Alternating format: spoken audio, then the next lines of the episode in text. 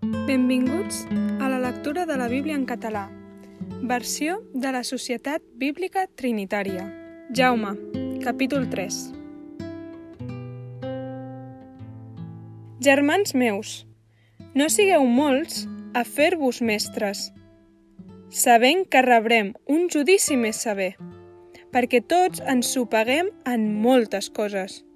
Si algú no ens sopega en el parlar, aquest és un home perfecte, capaç de refrenar també tot el cos. Heus aquí posem brides a les boques dels cavalls perquè ens obeeixin i manem tot el seu cos. Mireu, també les naus, encara que són tan grans i empeses per vents molt forts, són manades per un petit timó on vol l'impuls del pilot. Així també la llengua és un membre petit, però es glorieja de grans coses. Mireu, un foc petit encén un bosc tan gran i la llengua és un foc, el món de la injustícia. Així la llengua es construeix entre els nostres membres com a contaminadora de tot el cos i inflamadora del curs de la vida, i és inflamada per l'infern.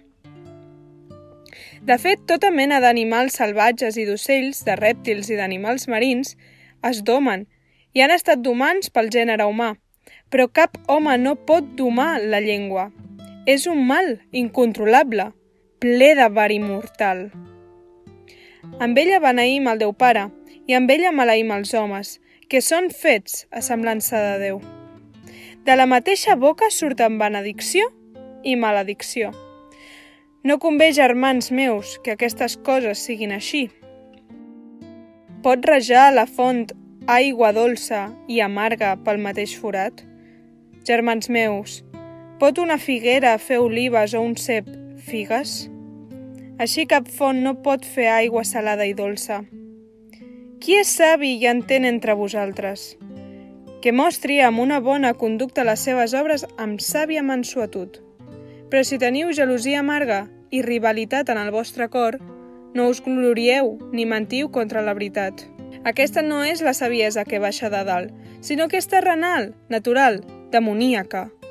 Perquè on hi ha gelosia i rivalitat, allà hi ha confusió i tota mena d'acció maligna.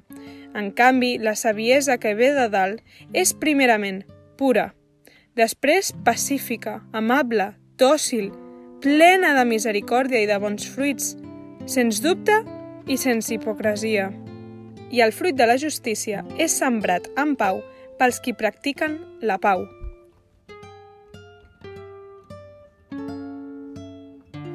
Això ha estat Jaume, capítol 3.